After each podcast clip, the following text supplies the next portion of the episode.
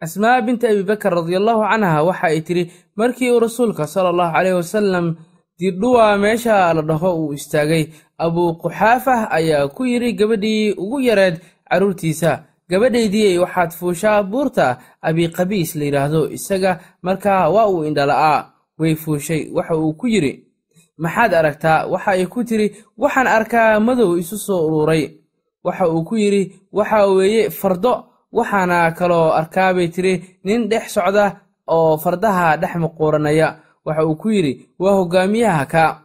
Intaa kadib waxa ay ku tidhi madowga waa uu kala yaacay oo waa uu kala firdhaday. Waxa uu ku yidhi hadday markaasi soo dhaqaaqeen oo haddii ay mar kala firdhadeen fardihii ayaa soo dhaqaaqay sidaa ayuu yidhi. Si deg deg ah igu gee gurigayga ayuu intaasi u sii raaciyey. Markii gabadha ay u sharaxday wixii ay arkaysay kolkii uu dul saarnaa buurta buurta ayay kala soo degtay. Odayga inta aysan markaasi guriga gaarinna fardihii ayaa la kulmay. Gabadha waxaa qoorta uga xirnaa xilligaasi silsilad qalin ah taasoo uu nin ay waddada ku kulmeen uu ka goostay.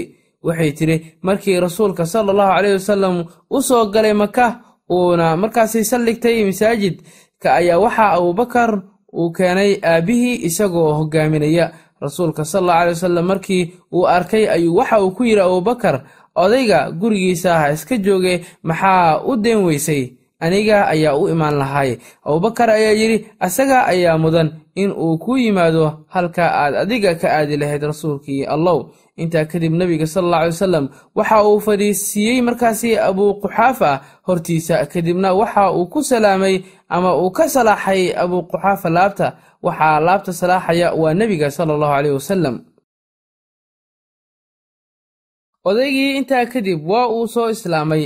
Kadibna abuubakar ayaa istaagay walaashiis gacanteeda ayuu qabtay wuxuuna yidhi dadow alle ayaan idinku dhaariyey silsiladda walaashay yaa qaatay cidna maysan u jawaabin.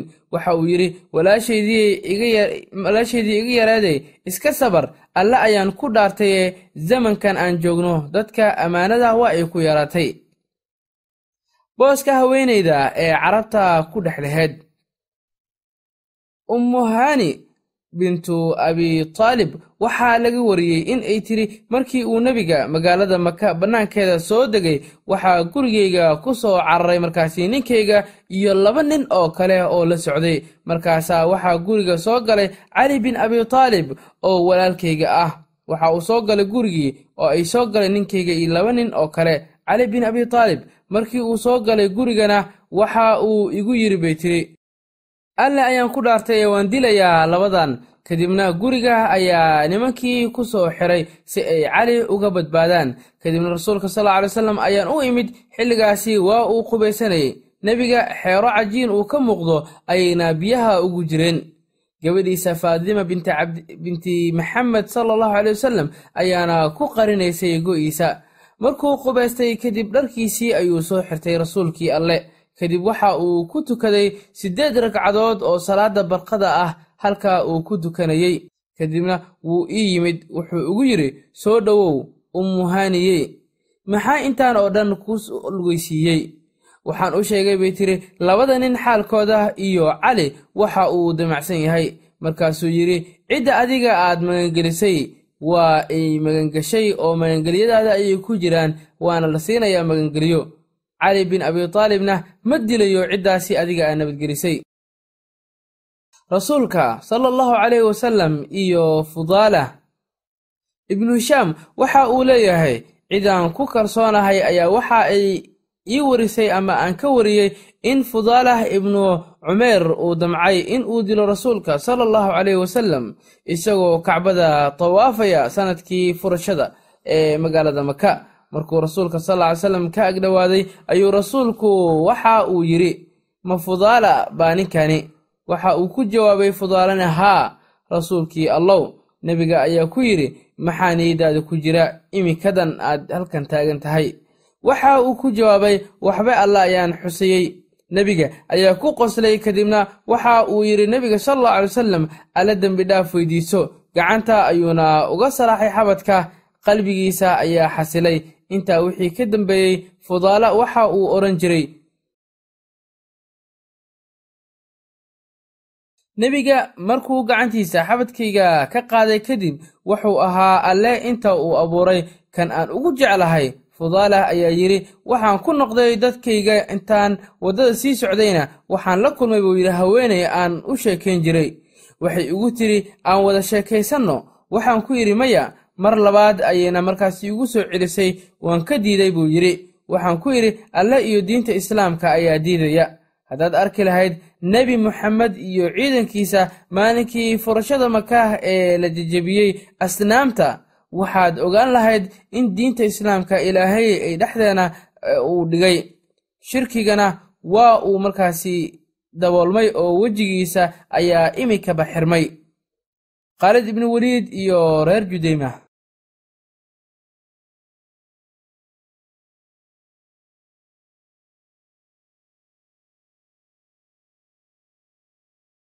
bisha soonfur sannadkii sideedaad nebiga waxa uu markaasi khaalid ibnu weliid u diray reer judeyma kadib markii uu khaalid ka soo noqday duminta sanamkii la odhan jiray cuza waxayna ahayd wakhtigii uu nebiga sal allau aley wasalam ku sugnaa maka waxaana raacay khaalid saddex boqol iyo konton nin iyo reer bani saliim oo dhan si ay islaamka ugu yeeraan markii islaamka loogu yeeray awood maysan u yeelan in ay dhahaan waan islaamnay. Taa beddelkeedana waxa ay dhaheen waan gaalownay. Ayagoo ula jeeda diintii hore ayaan ku gaalownay. Waxayna hadalka markaasi ka qaateen quraysh oo ku dhihi jirtay nebiga sala allahu calayhi wasallam waa uu gaaloobay.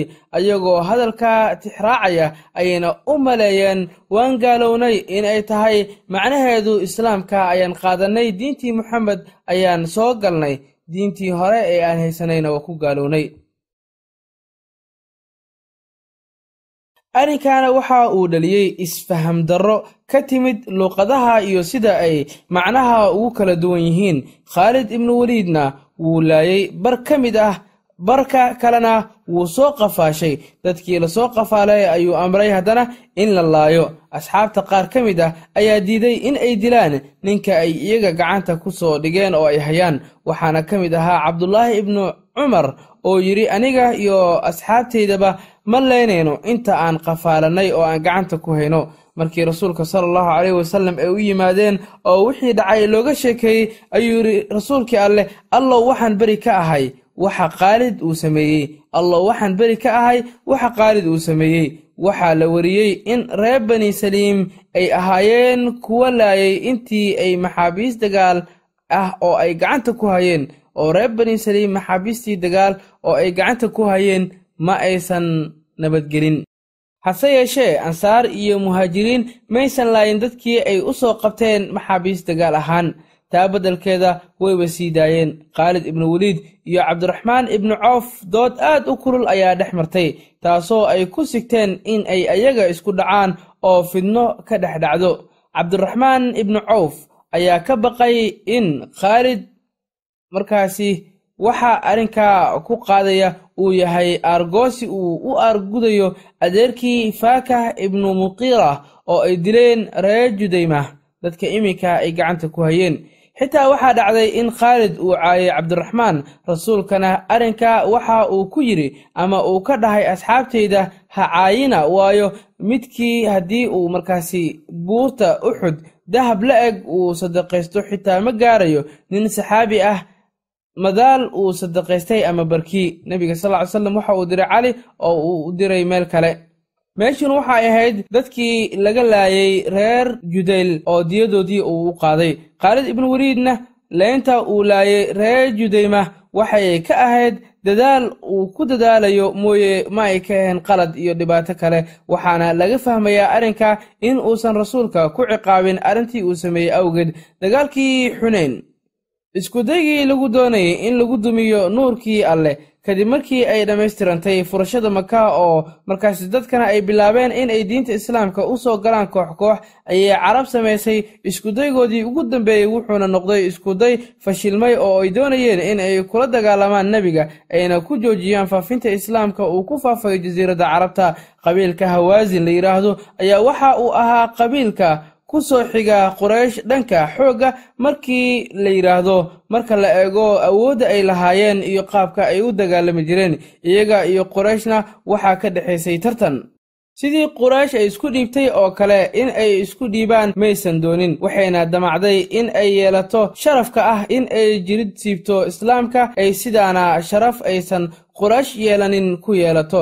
Dadkana ay yidhaahdaan hawaasin waxay awood u yeelatay waxay quraysh tabar u weysay sannadkii furashada maka nebiga waxa uu maka joogay sagaal iyo toban cisho ilaa ay hawaasin iyo thaqiif ka soo degeen xuneyn ayagoo doonayay in ay la dagaalamaan nebiga waxayna ahaayeen kuwo isa soo urursaday tan iyo markii uu nebiga madiine ka soo baxay ayagoo malaynayay markaa in uu nebiga ku socdo iyaga oo uu doonayo inuu la dagaalamo. Markii uu degay makana fursad ayay u noqotay oo waxay u arkayeen in ay fursad ay isku diyaarin karaan ay tahay oo ay ku diyaar garoobi karaan.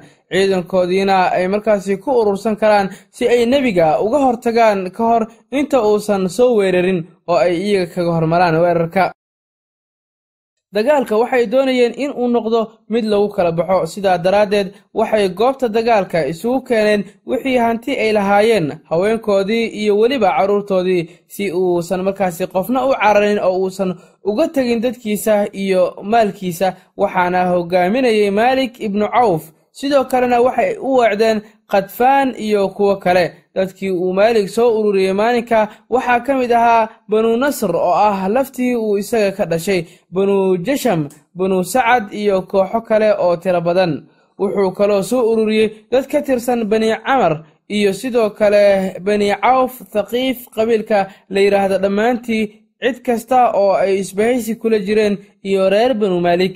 Hawaasin maalinka waxaa ka haray oo dagaalka aan ka qayb gelin laba lafood oo kale ah kacab iyo kilaab reer jesham waxaa soo raacay markaasi maalinka dureyd ninka la yidhaahdo dureyd ibnu simna tabar kale ma ay uu lahayn oday waayeela ayuu ahaa laakiin tale ayuu bixin karay. Iyo fikir waayo waxa uu ahaa oday aad dagaalka u yaqaana oo muddooyin badan soo dagaalamay.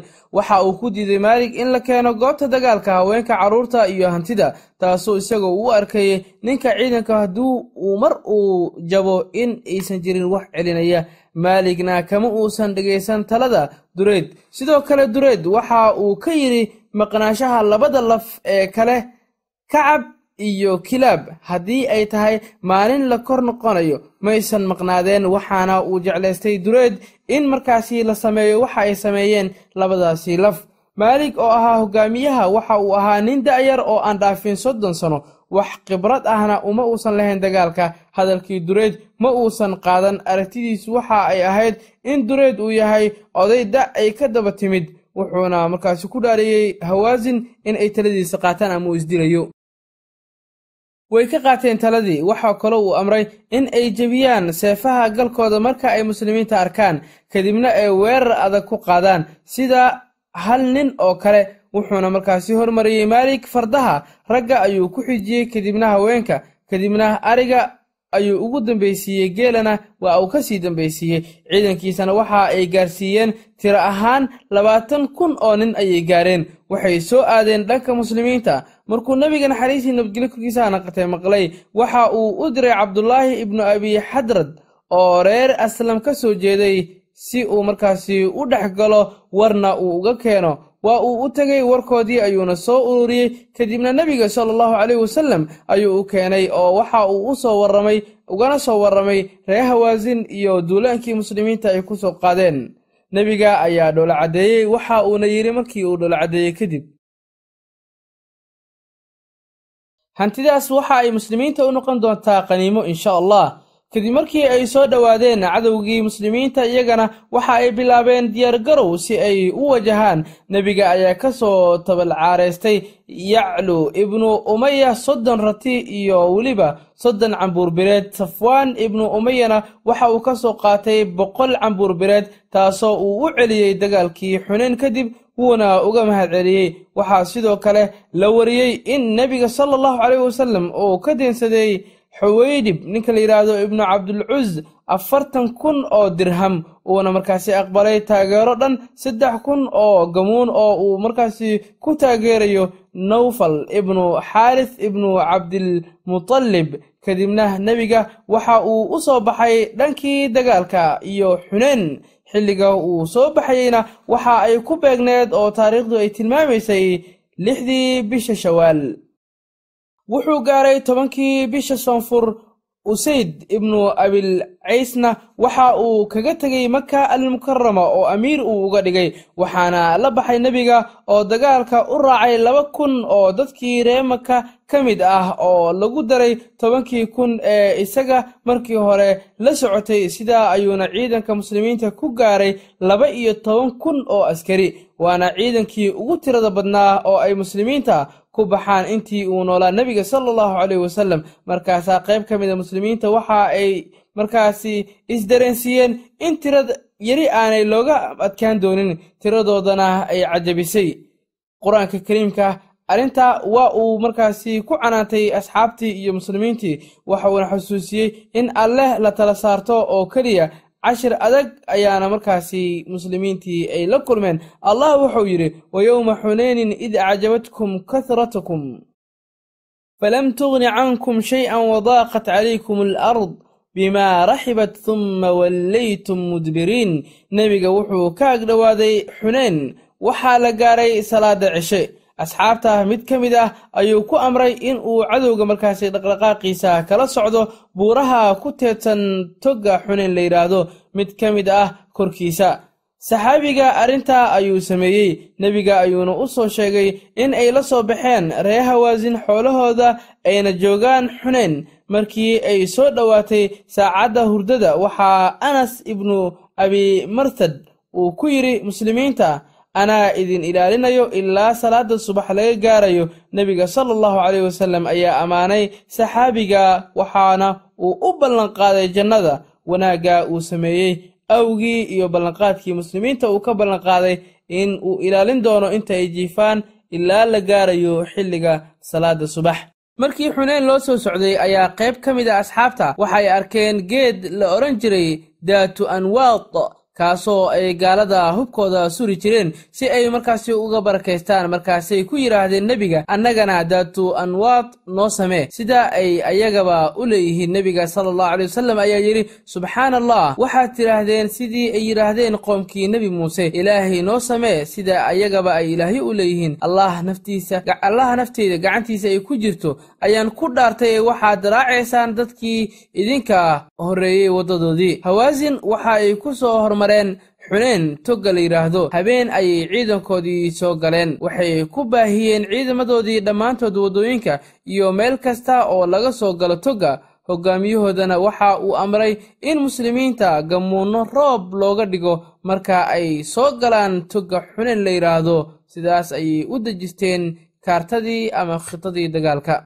Hal mar weerar ah ayay qorsheeyeen waxaana dhiirigeliyey nin muslimiinta aysan horay ula dagaalamin. Geesinimada hawaasinna nin ku haystaahi uusan jirin. Rasuulka ayaa diyaargareeyey dhanka kalena ciidankiisii wakhtiga salaada subax.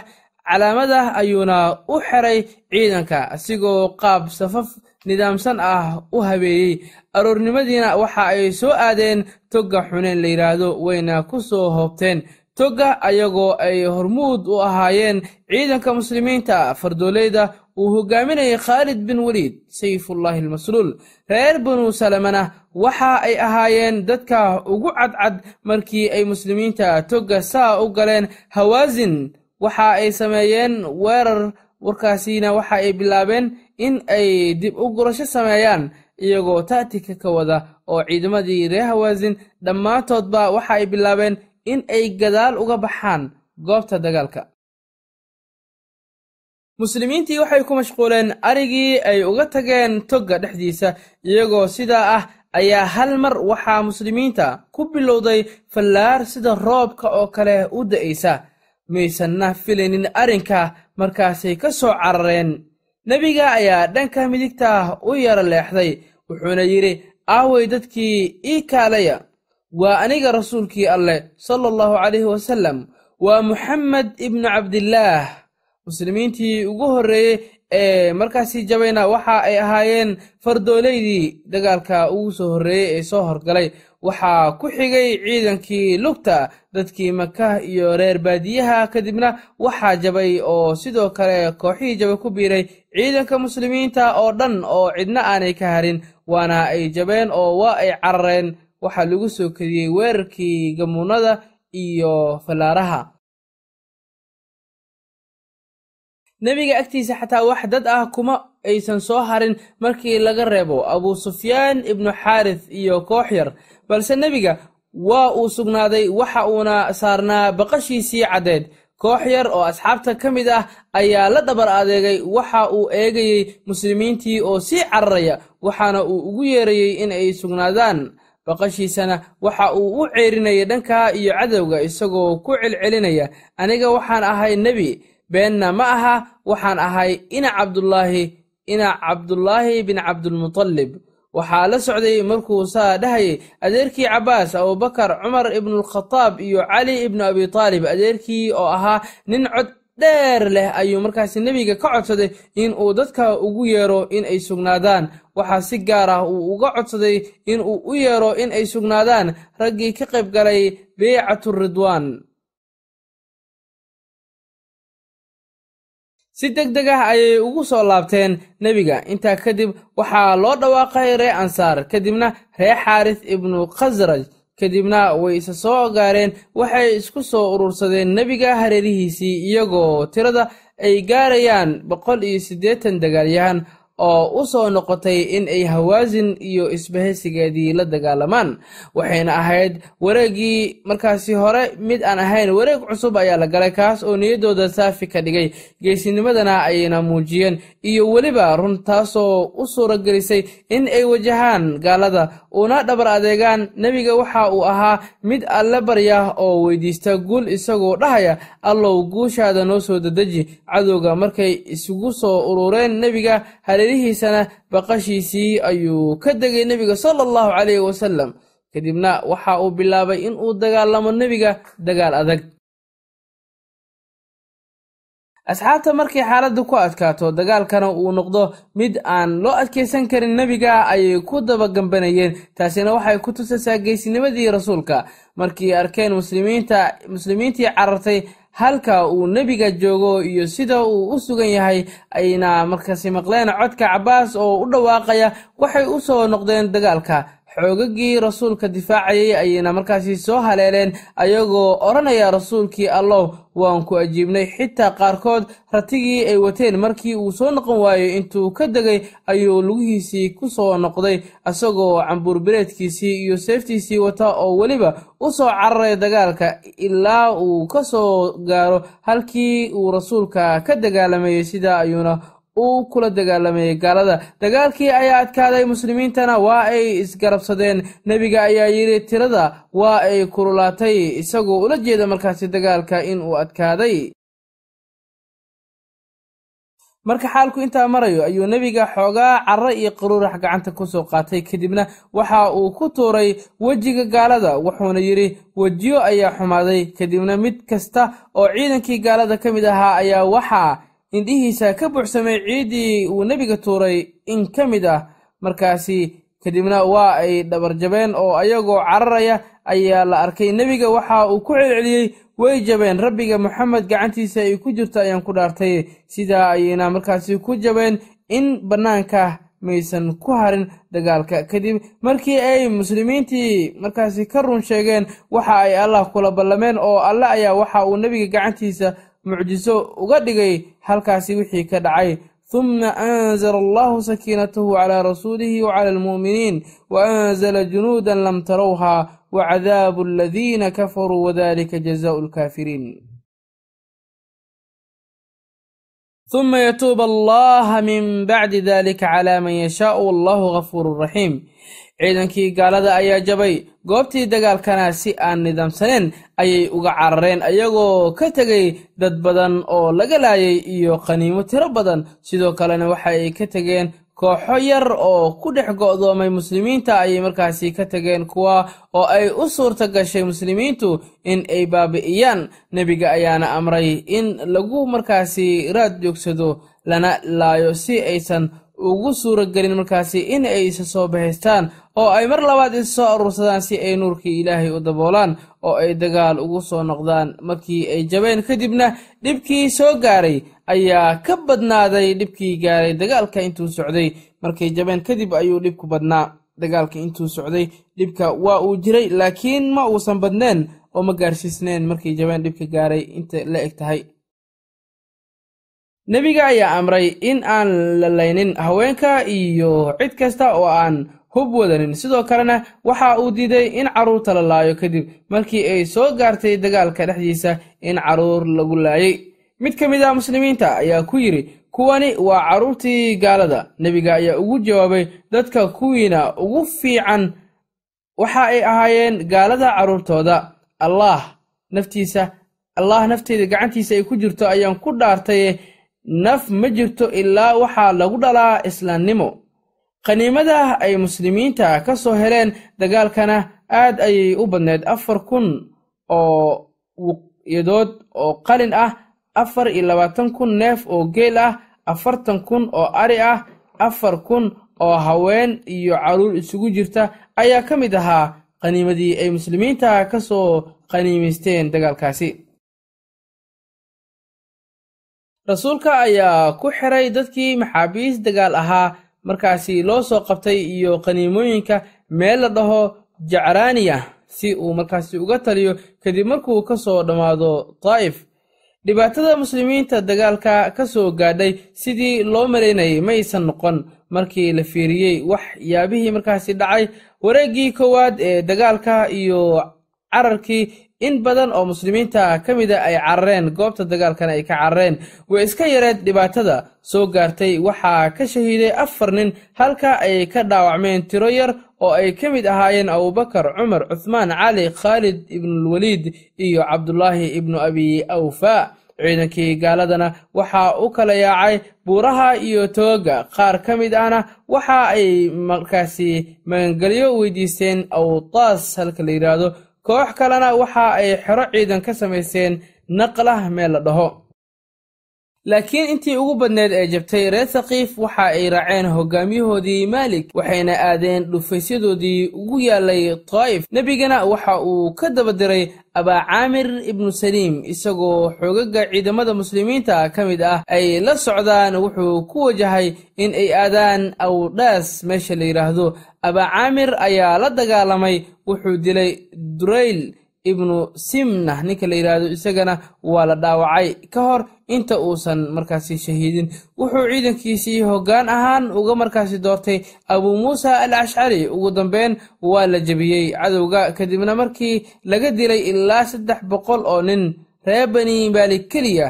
iyo tiro kale oo badan oo reer bani nasar waxaana markaasi la soo wariyey in shaymaa bintu xaarith ay ka mid ahayd dadkii loo soo qabtay maxaabiista dagaal ee gacanta ay ku soo dhigeen muslimiintii dagaalamay. Waxay sheegatay in ay tahay nebiga walaashiisa xagga nugmada waxa uu ku yidhi maxaa kugu calaamad ah inaad tahay walaashaydii dhanka nugmada waxay ku tiri qaniinyo aad igu qaniintay dhabarka anigoo dhabarka kugu sida. Nebiga ayaa gartay calaamaddii ay sheegtay gabadha wuu karaameeyey martisoorna waa uu u sameeyey wuxuuna u celiyey reerkeedii sidaa ay iyadaba dalbatay kadib waxaa u timid hooyadii dhanka nuugmada ee nebiga xaliimatu sacdiya. Waa uu karaameeyey waxa uu u fidiyey go'iisa si ay ugu fadhiisato hawaasin iyo thaqiifna sidaa ayay ku jabeen muslimiinta. Firxadkooda ayay raacdeeteen oo ay bursadeen nebigana. Waxa uu u diyaar garoobay in uu daa'if aado si uu uga soo jiridsiibo markaasi jasiiradda carabta waxa la yidhaahdo shirkiga dhammaantii oo uu u baabi'iyo shirkiga iyo sanam caabudidda cagtana uu u mariyo halkaa iyo daa'if inuu aado ayuuna nebiga u diyaar garoobay